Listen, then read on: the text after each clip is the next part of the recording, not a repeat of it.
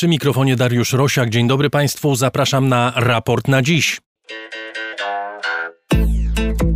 Prezydent Kazachstanu zapowiada szybkie wycofanie z kraju wojsk Organizacji Układu o Bezpieczeństwie Zbiorowym pod kierunkiem Rosji. Tokajew mianuje także nowego premiera, a na ulice kazachskich miast wraca spokój. O co chodziło w tym szybko stłumionym proteście w Kazachstanie? Czy zmienia on historię tego dotychczas najbardziej stabilnego państwa w regionie? O tym w raporcie na dziś 12 stycznia 2021 roku. Raport na dziś to środowa odmiana raportu o stanie świata, programu finansowanego przez słuchaczy. A co za tym idzie, całkowicie niezależnego od strony redakcyjnej. Nie publikujemy reklam, nie zamieszczamy płatnych treści. Natomiast w każdej audycji dziękujemy wszystkim Państwu za wsparcie finansowe dla raportu i za każde dobre słowo, które do nas dociera. Bez Państwa tego programu by nie było. Z serca dziękuję za każdą wpłatę.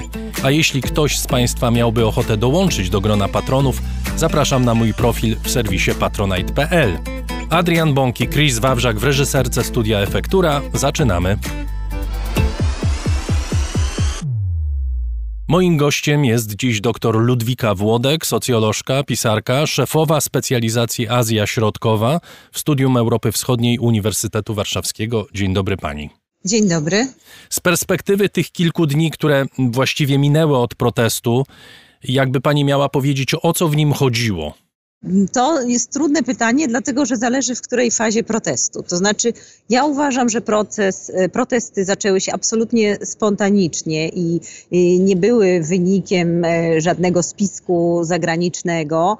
Ludzie po prostu wyszli na ulicę e, wkurzeni, mający dość arogancji władzy, a skłoniły ich do tego gigantyczne podwyżki cen ciekłego gazu. Y, który w zachodnich regionach, gdzie te protesty zaczęły się, jest y, no, taką bardzo ważną substancją, powiedziałabym życiodajną, bo na nią jeżdżą samochody, y, jej się używa do, do różnych innych celów. Natomiast ja się nie zgodzę z tym, co było we wstępie do naszej rozmowy, że Kazachstan był za najstabilniejszym państwem w regionie. To była taka stabilność pozorna, to był taki powiedzmy sobie garnek, w którym y, się coś gotuje, trochę czasem kipi, ale do tej pory y, zmyślna kucharka w odpowiednich momentach podnosiła pokrywkę, no i udawało się tego płynu nie wylać na zewnątrz. Tym razem, że tak powiem, no, był wypadek przy pracy, wszystko wykipiało i rzeczywiście, e, rzeczywiście te protesty były w skali e, całego regionu czymś zupełnie, zupełnie wyjątkowym. Natomiast to, że później pod te protesty się podczepiło co innego, to znaczy za pomocą mm, rozwiązania sytuacji usiłowano też ugrać kwestię nowego podziału władzy, to już właściwie dzisiaj jest prawie pewne. Zatrzymajmy się na tym pierwszym elemencie. Ja powiedziałem o tym, że to był kraj stabilny, no bo taki ten kraj ma jednak wizerunek właściwie od upadku Związku Radzieckiego, prawda? Bo w regionie różne rzeczy się działy. Tutaj chyba od 10 lat, od tego protestu w mieście Żangaozen, w którym zresztą ten protest tegoroczny też się zaczął, prawda? Oprócz tego protestu nie było takiej dużej akcji społecznej, w której na przykład ginęliby ludzie, prawda? E, nie, nie było protestów na tę skalę, natomiast co kilka lat wybuchały różne marsze uliczne. E, no, obywatele pokazywali, że są niezadowoleni i że ich cierpliwość się kończy. A co było przyczyną tego niezadowolenia? Przede wszystkim Kazachstan jest państwem, które ma bardzo dużo surowców mineralnych, które właśnie buduje swój wizerunek na świecie jako takiego giganta gospodarczego ładuje mnóstwo pieniędzy w stolicę, jest państwem, w którym w nieprzyzwoity sposób bogaci się oligarchia związana z władzą.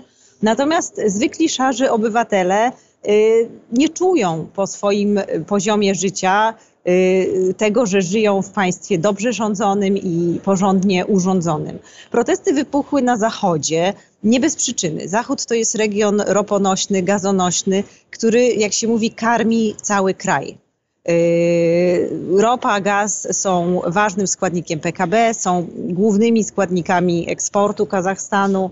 Na tym Kazachstan buduje swoje bogactwo, za te pieniądze właśnie są te różne wspaniałe domy pod Londynem córek prezydenta. Za te same pieniądze są budowane te szklane wieżowce w Astanie, stolicy. Natomiast ludzie żyją ze złą służbą zdrowia, ze złą infrastrukturą, w brudnym powietrzu zanieczyszczonym,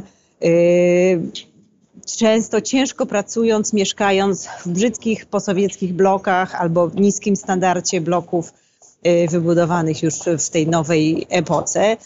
I no, mieli dosyć takiej sytuacji, zwłaszcza jeszcze pandemia, y, galopująca inflacja, to, że na przykład dla wielu ludzi stało się trudne nawet spłacanie kredytów, które zaciągnęli wcześniej. Niektórzy potracili pracę w związku z gorszą koniunkturą Y, ze względu na, na pandemię. Y, to wszystko doprowadziło do tego, że taka iskra, jaką była ta podwyżka cen gazu, wyprowadziła ludzi na ulicę. I to nie tylko na zachodzie, ale właśnie w całym kraju.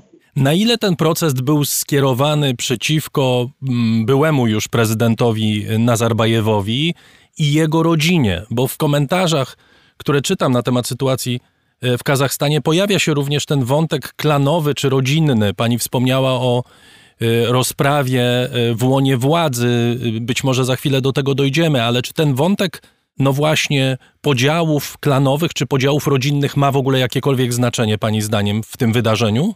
E, oczywiście, że ma. Nazarbajew uosabiał władzę i wszystkie złe rzeczy, jakie się kojarzyły z władzą, E, rządził tym krajem od 1989 roku, początkowo jeszcze jako pierwszy sekretarz e, Komunistycznej Partii Kazachstanu, później jako pierwszy prezydent, później wreszcie prezydent z takim specjalnym tytułem Eubasy, czyli ojciec e, narodu. Ustąpił w 2019 roku, ale nie do końca, dlatego że zachował sobie stanowisko szefa Rady Bezpieczeństwa, które dawało mu różne prerogatywy i trochę tak z tylnego siedzenia próbował tym Takajewem, który zresztą był jego bliskim e, współpracownikiem wcześniej, przewodniczącym Senatu, e, sterować. Ale to Nazarbajew uosabiał arogancję władzy, ten przepych, e, to właśnie napychanie własnych kieszeni kosztem obywateli.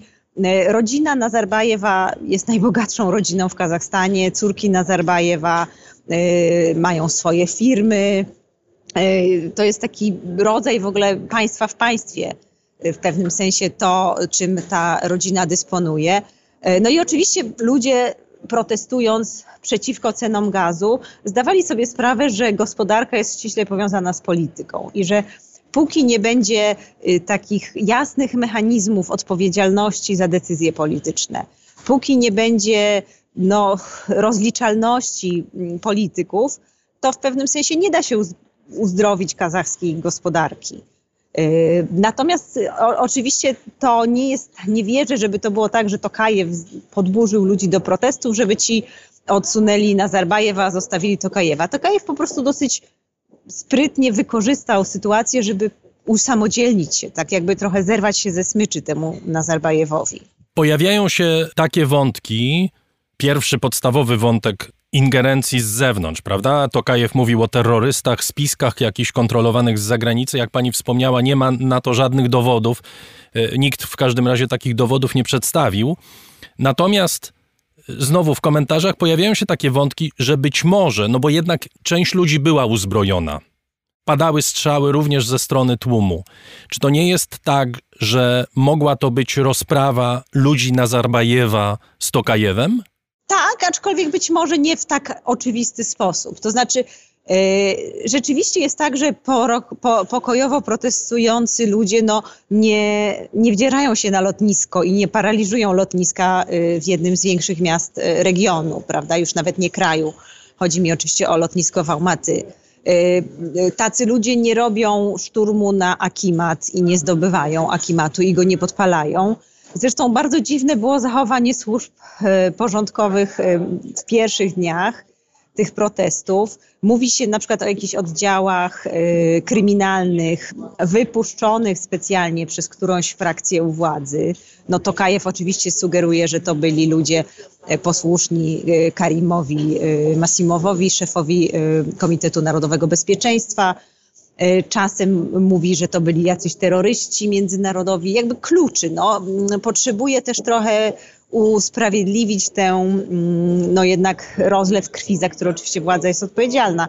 Ewidentnie jest tak, że tam włączyły się siły, które były mm, które nie były pokojowymi protestującymi. Natomiast ja wierzę raczej w scenariusz wewnętrznych e, sporów i animozji niż w tych e, międzynarodowych agresorów, bo to nam kazachskie władze usiłowały wmówić, no ale skończyło się to totalną kompromitacją, bo na przykład jeden z teoretycznych y, za pieniądze sprowadzonych chuliganów, który miał brać udział w zamieszkach, okazał się Bogu ducha winnym muzykiem jazzowym z Kirgistanu, który przyjechał po prostu dawać koncerty y, w Almaty.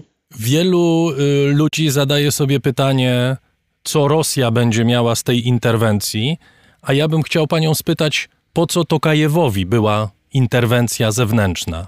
Bo przecież Kazachstan chyba dysponuje sprawnymi służbami bezpieczeństwa i policją. Jakby chciał, to przecież mógłby opanować sytuację. Czy naprawdę ona wymknęła mu się spod kontroli tak bardzo, że potrzebował Rosjan? Po pierwsze, być może jednak było tak, że on nie miał pełnego zaufania do własnych służb. E, właśnie być może się okazało, że się tam tli, e, że się tam tli jakiś, jakiś bunt i po prostu wezwanie e, Rosji było takim trochę pokazaniem jednak, no, kto tu ma decydujący, e, kto tu ma decydujący głos. Dla Rosji oczywiście mm, destabilizacja Kazachstanu byłaby bardzo niekorzystna i takie no, postawienie nogi w drzwiach, którego Rosja dokonała, mm, było z punktu widzenia Kremla świetnym, świetnym interesem. E, ale też w pewnym sensie mm, Tokajew, e, wzywając te wojska Układu o Bezpieczeństwie e, Zbiorowym, no, pokazał, że ma takie możliwości, prawda? I w pewnym sensie on wychodzi z tego całego kryzysu bardzo wzmocniony. W odróżnieniu od Nazarbajewa i jego klanu, E, którzy ewidentnie chyba jednak zaczną tracić wpływy. No ja nie chcę prorokować, ale tak to, tak to wygląda. Mamy nowego premiera, prawda, Alihan Smajiłow, mamy czystki, o których... Tak, stary, nowy tak. stary. Że tak. On był wicepremierem w tym poprzednim rządzie, o ile pamiętam. Tak, tak, i ministrem finansów. Czyli mamy, mamy też czystki w tym Komitecie Bezpieczeństwa Narodowego, którego szef został usunięty. No i rzeczywiście chyba marginalizację Nazarbajewa i mamy jednocześnie zapowiedź potwierdzoną przez Kreml zapowiedź wycofania wojsk Organizacji Układu o Bezpieczeństwie Zbiorowym w ciągu najbliższych 10 dni. To by znaczyło, że Tokajew jest dla Kremla wiarygodnym partnerem, na tyle wiarygodnym, że nie muszą te wojska tam zostawać. Na razie przynajmniej, tak bym e, powiedziała. To znaczy, no, jak oni raz weszli, to znaczy, że mogą w każdej chwili wejść po raz drugi. No, póki Tokajew jest zwycięzcą, no to popieramy Tokajewa. Ja tak, tak to widzę. Chciałbym jeszcze spytać o kraj, o którym nie mówiliśmy do tej pory i którym rzadko się mówi w kontekście tego konfliktu, czyli o Chinach, bo Chiny miały ogromne wpływy w Kazachstanie i chyba mają do tej pory. To jest wpływowy partner tego kraju. Co Rosja zyskuje na tym konflikcie w stosunku do Chin? Czy należy rozważać w ogóle ten aspekt przy okazji tej interwencji? Tak, oczywiście Chiny są bardzo ważnym krajem w regionie. Są krajem, który jako jedyny ma duży, dużo gotówki, którą inwestuje, inwestuje ją w strukturę, w infrastrukturę e, wydobywczą. E, Chiny są udziałowcem przecież tych spółek wydobywających gaz i ropę e, w Kazachstanie. Chiny budują za swoje pieniądze rurociągi. Teraz jest od kilku lat ta inicjatywa pasa i szlaku, yy, która co prawda jest dużo bardziej szumnie zapowiadana niż de facto funkcjonuje, ale no, yy, jakby w jej ramach Kazachstan ma też dostać różne połączenia kolejowe, i drogi i tak dalej, i tak dalej.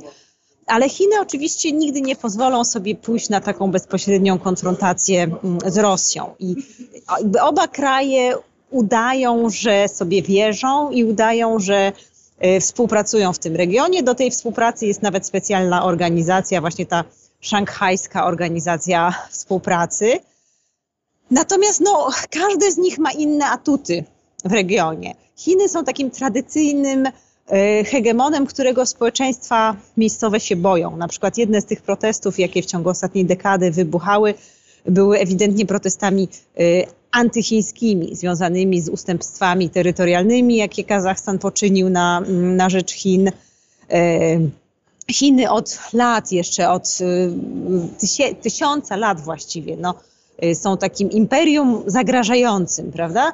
Natomiast Rosja jest właściwie dużo lepiej postrzegana w regionie ze względu na tą wspólną przeszłość, ze względu na też taką propagandę o historycznych relacjach, która nie do końca jest prawdziwa, ale, ale wiele ludzi po prostu tak to widzi, bo takich uczono tego, mm, takich uczono tego w szkole.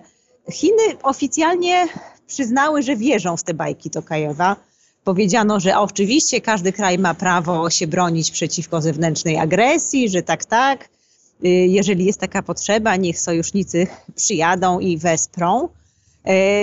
Natomiast no, na pewno Chiny są zaniepokojone tym, co się dzieje. To na 100%. A jak dalej się sytuacja rozwinie? Chiny są bardzo cierpliwe. Chiny potrafią czekać mm, po 100 lat. Czekały przez cały okres, kiedy był Związek Radziecki, tam Chiny czekały. Weszły, kiedy Związek Radziecki upadł. Więc no, nie powiedziały na pewno jeszcze ostatniego słowa.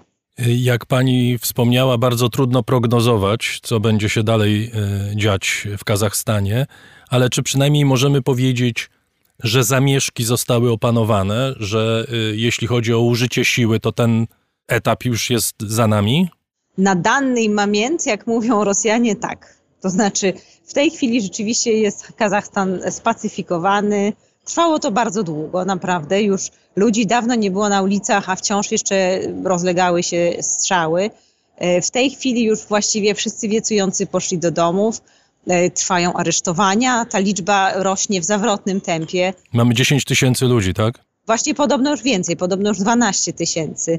Jeszcze rano było 10. W ogóle nie wiadomo, co się z tymi ludźmi dzieje, gdzie oni są trzymani. W ogóle nie wiadomo, na jakiej podstawie prawnej e, część z nich jest zatrzymywana. Jednocześnie są wywierane naciski na dziennikarzy. E, na przykład rosyjski dziennikarz, szef portalu Fergana napisał tekst o interesach Nazarbajewa i natychmiast dostał list od kazachskich e, organów ścigania, że to jest, e, że to jest oczernianie i żeby się uspokoił. Wielu blogerów zostało wezwanych już w Kazachstanie, kazachskich na, na przesłuchania. Część dziennikarzy zaliczyło rewizję u, u siebie w domach. No ewidentnie władza kazachska E, stara się pokazać, że odzyskaliśmy kontrolę i będziemy mm, robić wszystko, żeby jej ponownie nie, nie utracić. Natomiast kiedy, kiedy coś znowu się stanie, to też nie umiem powiedzieć. Wydaje mi się, że prędzej czy później, na pewno, jeżeli się nie zacznie zmieniać sytuacja gospodarcza. Bardzo dziękuję. Doktor Ludwika Włodek, pisarka, szefowa specjalizacji Azja Środkowa w Studium Europy Wschodniej Uniwersytetu Warszawskiego, była gościem raportu na dziś. Dziękuję pani bardzo. Dziękuję bardzo. Do widzenia. To już prawie wszystko w dzisiejszym programie. Proszę Państwa, ogłaszam uroczyście koniec naszego konkursu plebiscytu na wybór wszystkiego, co najlepsze w raporcie o stanie świata 2021 roku. Dostaliśmy sporo maili, zapewne z powodu mojej niechlujności. Sami Państwo zdecydowali, że nasz plebiscyt odbył się nie w jednej, tylko w dwóch konkurencjach. Pierwsza to raporty monotematyczne, a druga kategoria to wybór najlepszych fragmentów raportów ubiegłego roku.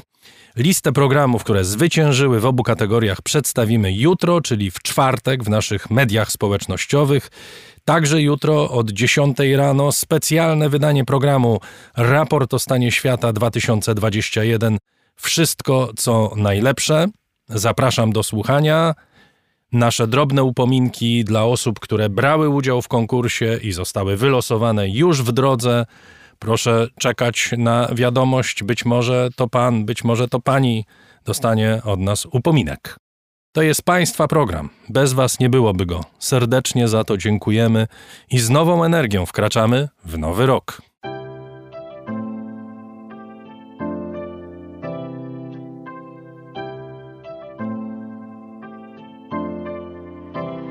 Raport o stanie świata od marca 2020 roku rozwija się dzięki Państwa zaangażowaniu i szczodrości. To dzięki Wam możemy opowiadać o świecie przy pomocy dźwięków. Dzięki Wam ten program może być przygotowywany w profesjonalny sposób z zachowaniem najwyższej jakości, bo na nią zasługują słuchacze raportu o stanie świata. Z serca dziękujemy wszystkim Państwu za wpłaty.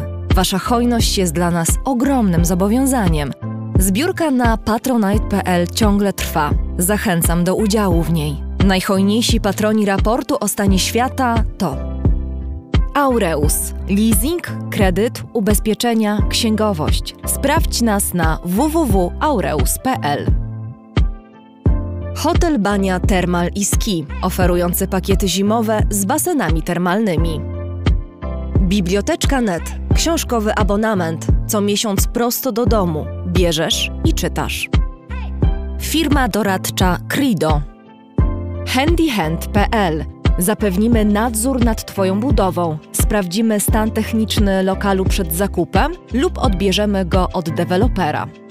Kantory Kanga. Sieć stacjonarnych kantorów kryptowalutowych w Twoim mieście. Sebastian Kazek, EduNavigator, szkolenia z pierwszej pomocy. Centrum Roślin Doniczkowych. Ładne Kwiatki Tomaszewski. W Warszawie. Tomaszewski.pl Razem w przyszłość. Polsko-Japońska Akademia Technik Komputerowych. Warszawa, Gdańsk, Bytom. Firma Prosper z Sosnowca. Hurtownia elektroenergetyczna i właściciel marki Czystuś. Firma Venterm z Niepołomic. Generalny wykonawca instalacji sanitarnych i odnawialnych źródeł energii. Catering dietetyczny Lightbox, oferujący dietę pudełkową z wyborem potraw z różnych kuchni świata. Michał Małkiewicz. Firma Software Mill. Od zawsze zdalni. Programują dla całego świata. Dom wydawniczy Muza. Bo świat nie jest nam obojętny. Uber. Myślimy globalnie, działamy lokalnie. A także firma Ampio Smart Home. BIMV.pl. Kursy online dla inżynierów. CIO Net and Digital Excellence. Łączymy ludzi i idee. Grupa brokerska CRB. Ubezpieczenie należności dla Twojej firmy. Bezpłatne porównanie ofert www.grupacrb.pl. Mariusz Drużyński. Salony meblowe Faster z Ełku i Białego Stoku wspierają piękne wnętrza. Agata Fischer.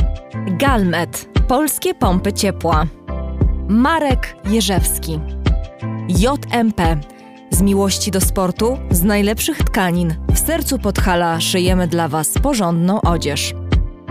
Palarnia kawy La Cafo z Augustowa.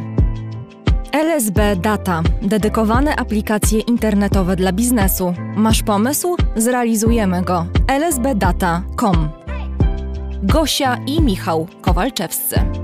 Alan Meller. Aplikacja Moja Gazetka. Polska proekologiczna aplikacja zakupowa z gazetkami promocyjnymi i nie tylko. Moja Gazetka. Kupuj mądrze.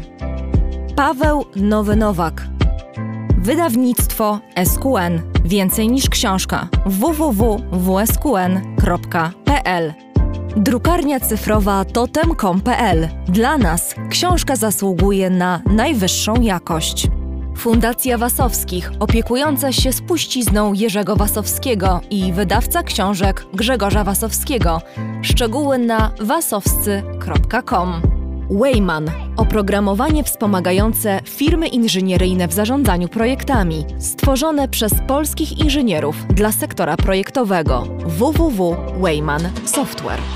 Dziękujemy bardzo. To dzięki Państwu mamy raport o stanie świata.